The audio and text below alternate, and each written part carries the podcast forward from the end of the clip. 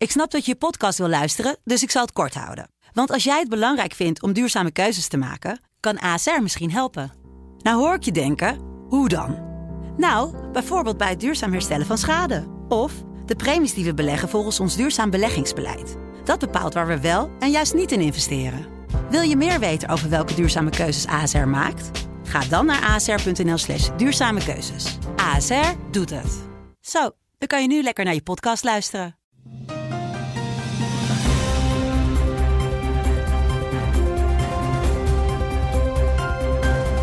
Dit is de Telegraaf podcast.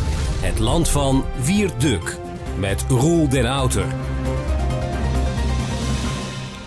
Wekelijks analyseert onze verslaggever Wierduk nieuwsgebeurtenissen die hem bezighouden. Uh, Wiert, we moeten voordat we beginnen eerst even excuses aanbieden, want we zijn zomaar twee weken weg geweest. Wat, wat heb je gedaan? Ik was even vrij. Dus uh, mensen moeten ook af en toe uh, uitrusten. Ja. Maar ik ben ook verhuisd in die tijd. Dus uh, zo vrij was ik ook weer niet. Maar goed, daarom was ik er dus niet. Ja, nou gelukkig ja. ben je er weer. Ja, want er waren mensen die vroegen waar is die podcast nou? Ik dus zag die, op Twitter allemaal berichten. Ja, mensen die, die jou missen. Ja, dat is enorm leuk. Die hebben een soort routine van gemaakt op donderdagmiddag, eind van de middag, om die podcast te beluisteren in de, in de auto. Dus hier zijn we weer. Ja, ik doe het ook steeds vaker. Hè. Lekker smiddags als ik naar huis ga, s'avonds. Podcast luisteren, podcast ja. aanzetten. Ja. Dat ge, ge, gebler op die radio, daar heb ik eigenlijk helemaal geen zin in. Ja. En even een beetje rustig bijgepraat worden door van alles. Ik kan me heel goed voorstellen, dat doe ik ook. Wat voor podcast luister jij? Wat, is jouw, wat vind jij leukste nou ja, dat jezelf zijn... natuurlijk? dat ga ik niet zeggen. Nee, maar dat zijn veel van die Amerikaanse podcasts, maar die duren ellenlang. Dus die kun je ook niet in de, in de auto gaan uh, luisteren. Ik luisterde trouwens vandaag, vandaag eentje van uh, Jordan Peterson, die ik toch wel weer ja. erg goed vond. Dus maar mensen kunnen, ik kan, we kunnen wel eens een keer een podcast gaan maken over leuke podcasts. Ja. Die we dan mensen kunnen uh, voorschotelen. Maar ik moet wel één ding zeggen, ook nu met de uh, Radio Tour de France. Ja. Ja. Dat is wel een heel leuk programma hoor. Dat is toch wel echt, echt heel flitsend. Okay, dan kan je een app installeren en, en dan krijg je een, een signaal vlak voor, de, vlak voor de finish. En dan kan je je radio alsnog aanzetten. Ja, en daar zitten ook een paar hele leuke presentatoren en zo. Dus dat is wel weer heel gezellig. Ja, die, echt... die zomers met de Radio Tour, dat is wel echt heel leuk. Ja, dat zijn legendarische uitzendingen. Ja. Oké, okay. we gaan het hebben over uh, de Belastingdienst, daar heb jij uh, aan geïrriteerd. We gaan het hebben over zwembadterreur en uh, over feminisme. Dat is toch wel een beetje onverwacht eigenlijk. Ja, de Belastingdienst. Lekker ja. kunnen we die maken. Nee, die Belastingdienst, uh, er is een schandaal rond die Belastingdienst gaande, wat eigenlijk misschien voor sommige mensen niet helemaal duidelijk is hoe, wat voor proporties dat heeft uh, aangenomen. Um, Waar gaat het om? Dat gaat erom dat uh, mensen gebruik hadden gemaakt van de kindertoeslagenregeling en volgens de dienst was dat onterecht. En een groot aantal mensen is jarenlang eigenlijk door die Belastingdienst zeg maar achtervolgd. Um, terwijl ze uiteindelijk wel recht hadden op die uh, toeslagen. Maar ze zijn achtervolgd en met ook de, de gedachte dat zij tienduizenden euro's zouden moeten uh, terugbetalen omdat ze die onterecht zouden hebben. Dan schrik je, je helemaal kapot waarschijnlijk. Dan schrik je je dood. En ik denk dat veel mensen die dit nog nooit is overkomen niet weten wat voor impact dit heeft op zo'n gezin vaak. Ik ken toevallig zo'n gezin. En het, het, tragische hier is ook nog eens een keer dat het vaak om allochtonen gaat. De achtergrond hiervan is dat we ooit zijn opgeschikt door het schandaal met die Oost-Europese bendes eigenlijk, hè, die de Belastingdienst enorm hebben opgelicht ja, destijds met die, die toeslagen. Dus ja. het is heel terecht dat die dienst ging kijken van ja, uh, hier moeten we strenger op controleren, want dit kunnen we ons, uh, dit, hè, dit, dit als, als verzorgingsstaat willen we natuurlijk niet dat wij geplukt worden op deze manier. Dus volkomen terecht dat ze zijn gaan zoeken. Uh, maar nu zijn dus de verkeerde mensen geprofileerd. En ook vaak uh, de verdenking bestaat op basis van achternamen. Dus uh, Turken, vaak gaat het om. Etnisch geprofileerd. Precies, etnisch, die, die, dat, dat, die indruk ontstaat. En ik ken toevallig zo'n Turks gezin. En dan, als je dan de stress ervaart die die mensen hebben, omdat ze niet weten of zij tienduizenden euro's vaak moeten gaan terugbetalen, waarvan ze ook niet weten waar ze die moeten gaan vinden en zoeken en de gevolgen die dat heeft. Ik las ook vandaag in de Volkskrant een gezin waarvan de vrouw, die had een, een bedrijf en een baan en dat is gewoon maar moeten gaan opzeggen omdat ze geen kinder kinder, uh, uh, hoe heet dat, kinderopvang meer konden uh, regelen en niet meer konden betalen. Dus dat hele, de hele economie en de financiën van zo'n gezin staat onder druk. Wat natuurlijk zijn weerslag heeft op de relatie onderling tussen man en vrouw en met de kinderen en zo. En dat heeft jaren gespeeld. Hè? En het ernstige is ook nog dat de dienst op een gegeven moment, dit was bekend, maar dat de dienst is gaan zoeken naar manieren om dit eigenlijk onder de pet te houden. En uh, nu zijn er dus in het parlement een paar uh, hardnekkige parlementariërs uh, van wie Pieter Omzicht de onvermijdelijke naam is die ja. er altijd bij hoort in dit soort kwesties. Die dit enorm hebben zitten uitdiepen en ook een paar media die dat gedaan hebben. En dan zie je wat voor beerput dat is. En dan in bredere zin slaat, is dit natuurlijk wat voor veel burgers een, een, een, het beeld is van hun verstoorde verhouding met de overheid. Hè? Uh, gezegd moet worden dat het helemaal niet zo is dat de Nederlandse overheid zo slecht zou werken. Want kom maar eens in Duitsland bijvoorbeeld, waar de overheid digibet is. Waar je weken van tevoren in Berlijn een uh, afspraak moet uh, regelen bij het Bürgeramt.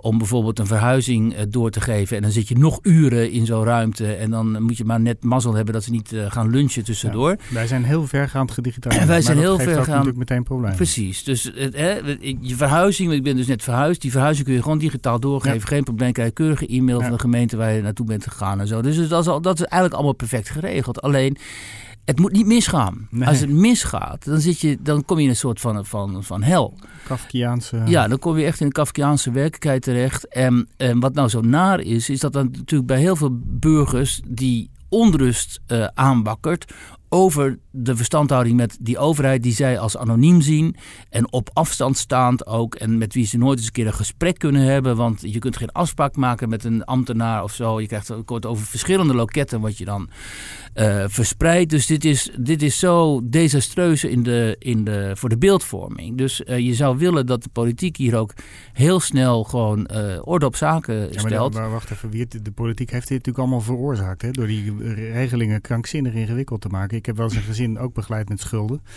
En ik, moest ik eens teruggaan uh, rekenen wat er allemaal gebeurd was. Wat er allemaal, nou, en dan moet je instanties gaan bellen. Je komt er bijna niet meer uit. En ik spreek dan Nederlands en die mensen spraken dat niet. Ja. Dat is echt een, een chaos. Dat is een verschrikking. En dat komt natuurlijk doordat wij dit hele toeslagencircus hebben opgetuigd ja. uh, ooit. Hè? Waardoor er allemaal geld wordt rondgepompt. Dat is allemaal politiek, inderdaad. Het is allemaal weer even dit compenseren, dat compenseren. Daar een tientje erbij, regelingetje eraf, regelingetje erbij. Ja, vreselijk. Waardoor je dan hè, uiteindelijk zijn bijna alle... Kijk, goed, dat is ook, ook een bredere stelling van mij. Ik heb lang in het buitenland gewoond en ik kwam terug naar Nederland. En toen merkte ik dus, als je hier wilt overleven op een middeninkomen... Hè, gewoon waar de meeste mensen op zitten... dan moet je eigenlijk met huid en haar aan die overheid overleveren. Omdat je, anders krijg je geen hypotheek. Als je geen hypotheekrente eh, aftrek claimt, kun je geen huis kopen. Als je die toeslagen niet claimt, kun je geen kinderen hebben. Als je, of kinderen op de opvang hebben. Dus uiteindelijk, de, de, de, de, je levert je met huid en haar over aan die overheid. Ja. Dan krijg je van alles terug, waardoor je een gemiddeld leven kunt leiden. Doe je dat niet, dan kun je, dus wil je niet zoveel met die overheid te maken wilt hebben, ook omdat je dit, dit soort risico's wilt vermijden dat je in die, digitale hel terechtkomt, ja, dan moet je heel veel inkomen genereren. Uh, wil je hier op een normale manier kunnen, kunnen leven. Dus mensen aan de, aan de bovenkant, die gewoon grote inkomens hebben en zo, die kennen dit waarschijnlijk niet, die hebben hier niet zoveel last van. Mensen aan de onderkant, die gewend zijn hè, van uitkeringen te leven, uh, die vinden dit prima, want die leven immers van die uitkeringen. Dus als een keer een uitkering niet aankomt, worden ze heel boos en zo. Maar die middenklasse en die ondernemende middenklasse ook, die eigenlijk natuurlijk vrij wil zijn en die eigenlijk de overheid op afstand wil houden, wordt toch op deze manier gedwongen om met die overheid telkens in contact te zijn. En, dat, en dan worden ze ook nog eens een keer in dit geval, als ze dat dan doen, hè, want ze moeten dit immers doen, als ze dan dat dan doen, zoals die, die gezinnen die in deze kindertoeslagenval zijn uh, geraakt, dan worden ze vervolgens gecriminaliseerd door die dienst, hè, door die belastingdienst, die zegt van ja, maar je hebt fraude gepleegd. Dat is nog, dus los van de financiële en de, en de, en de geestelijke stress, wordt er ook nog eens een keer deze morele stress op, ja. op aangedaan van je bent een fraudeur. Dat moet je vooral zeggen tegen keurige belasting betalen ze met een huis in een Phoenixwijk en twee kinderen die naar school gaan en zo, weet je wel. Dus dat is, dit is exemplarisch voor zeg maar de, de, de crisis die uiteindelijk ook de crisis van populisme heeft veroorzaakt. Maar goed, ik wil niet te ver gaan. maar die de crisis die heel veel mensen voelen... en waardoor ze ook op populistische partijen gaan stemmen... die zeggen, ja, we hebben hier een makkelijke oplossing voor. Bijvoorbeeld, we maken die overheid heel klein... en ga verder je, je, eigen gang en ga vooral ondernemen en we gaan je de ruimte geven. Maar wat is dan die, eh, de, de oplossing in het land van Wierduk? Nou, dat is, kijk, dat is sowieso een beetje de stelling van mij. Die verzorgingsstaat die we hebben opgetuigd, die veel te ruim is opgetuigd. Willen wij die op orde houden, dan moeten we in ieder geval ervoor zorgen dat we niet veel meer mensen binnenhalen die, de, die rechtstreeks in die arrangementen van die verzorgingsstaat gaan, gaan, gaan terechtkomen. Want dat is precies wat hier gebeurd is. We hebben die uh, arbeidsmigratie mogelijk gemaakt. We hebben dus allemaal Oost-Europeanen hier naartoe gegaan, gehaald. Wat ik voor een deel prima vind. Want de Polen bijvoorbeeld, hè, voor het grootste deel zijn het harde werkers. En die hebben we ook nodig, omdat Nederlanders hun werk, dat, dat werk niet willen doen. Maar vervolgens zijn dus hele slimme Bulgaren en Roemenen met die toesla de toeslagencircus er vandoor gegaan. Die hebben op massale manier fraude gepleegd.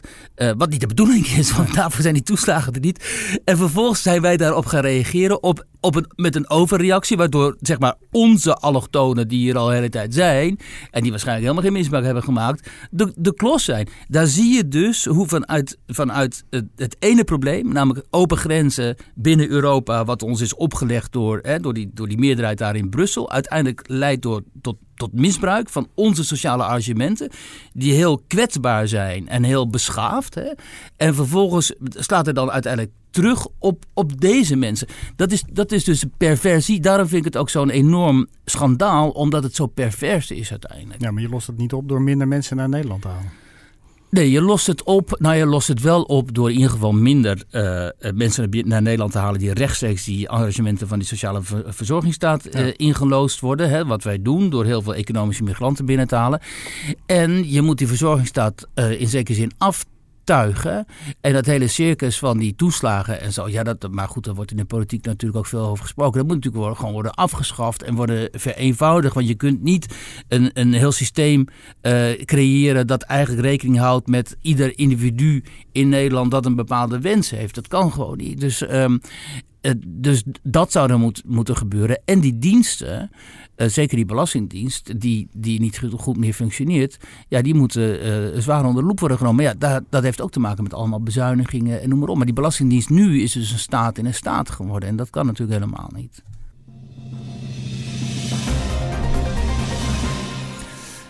Ja, Wiert. Uh, minister Koolmees gaat ook over integratie trouwens, waar we het net over hadden. Die is hmm. verantwoordelijk voor de Belastingdienst, maar ook voor over integratie. En um, afgelopen zaterdag hadden we een interview met hem. Uh, vroegen we hem wat hij vindt van de, de, de, de zwembadterreur die de laatste weken weer... Uh, de zwembadjihad. Want de, de zwembaden gaan weer open. die minister wist niet eens wat, er, wat ermee bedoeld werd. Ja, dat las ik ook. En dat uh, is wel heel erg bevreemdend natuurlijk. Uh, als hem de vraag wordt gesteld, wat vindt u van die zwembad uh, jihad, zoals wij dat noemen, altijd als ik. Ja. En dat hij zegt, waar heb je het over? Want ik, ik heb er niks over gehoord. En het kan zijn dat de minister druk was met allerlei akkoorden sluiten en zo. Of misschien was hij even op vakantie.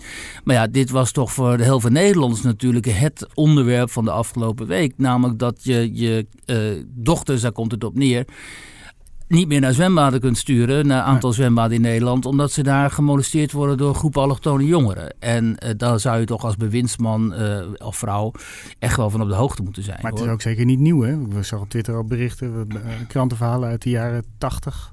Ja. Precies hetzelfde probleem. Het beestje ook meteen met de naam genoemd. Ja hoor, dit duurt al decennia. Hè? Dus dit is al decennia gaande.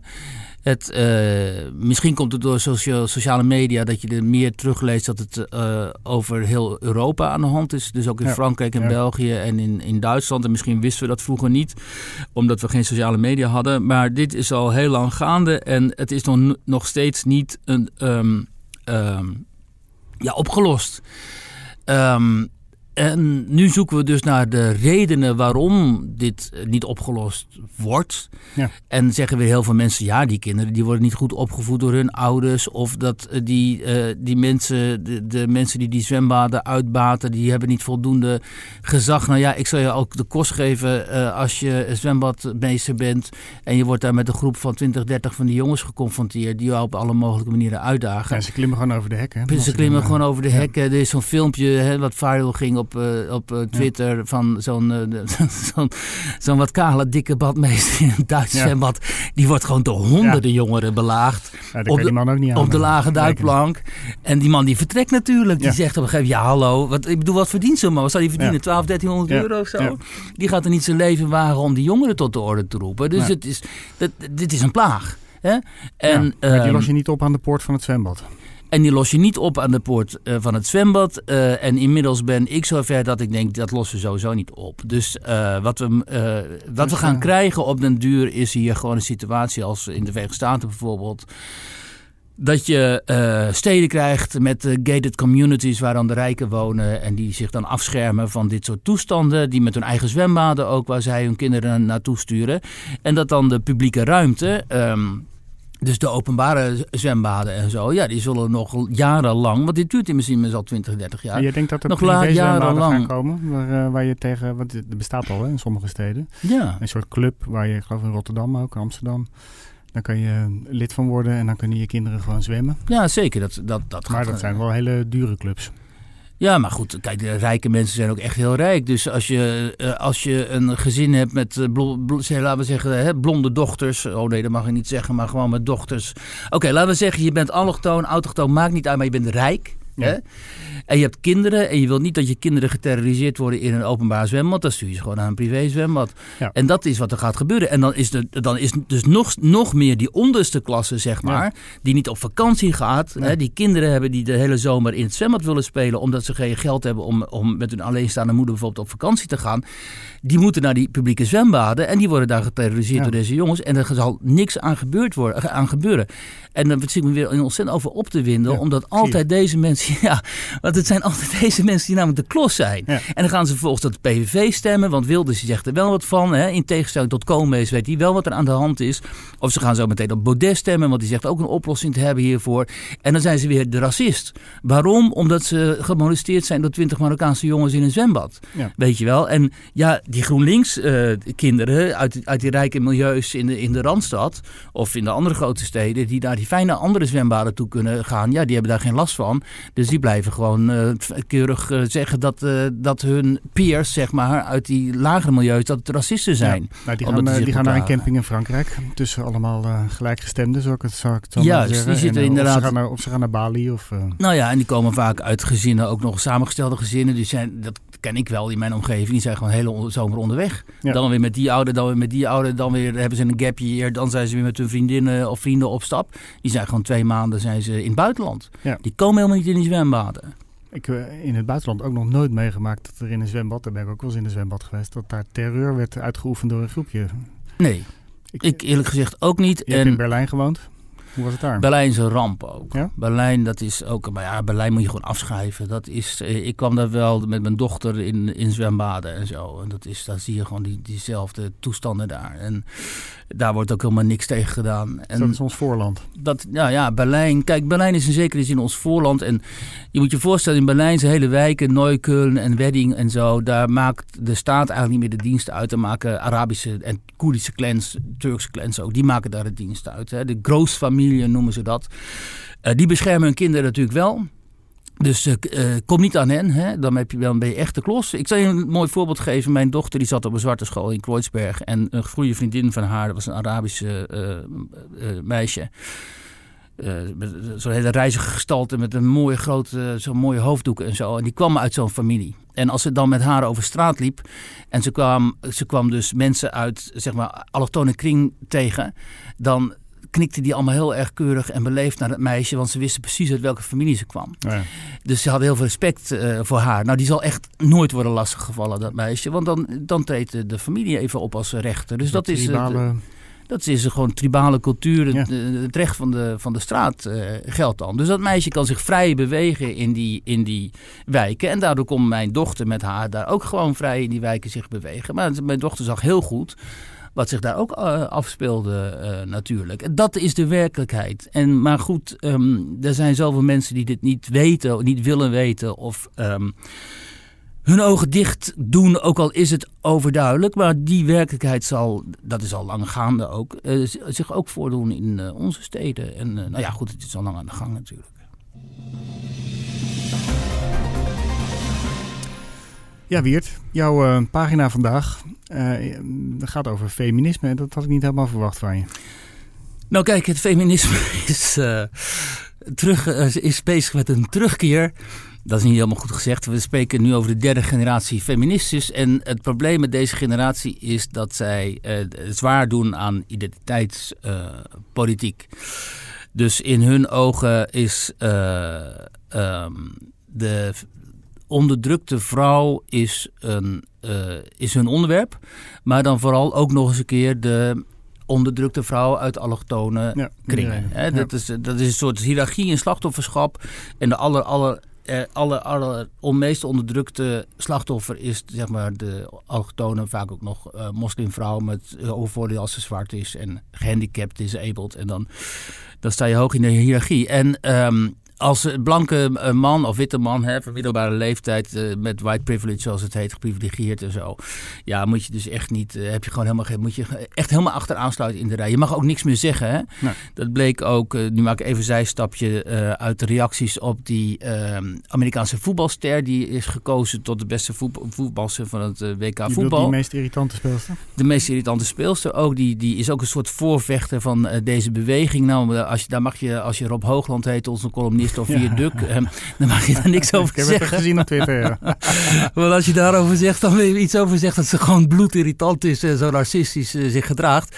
Ja, dan ben je natuurlijk een vrouwenhater, hè? Dat, uh, of, of, een, of een homohater, daar komt het op neer.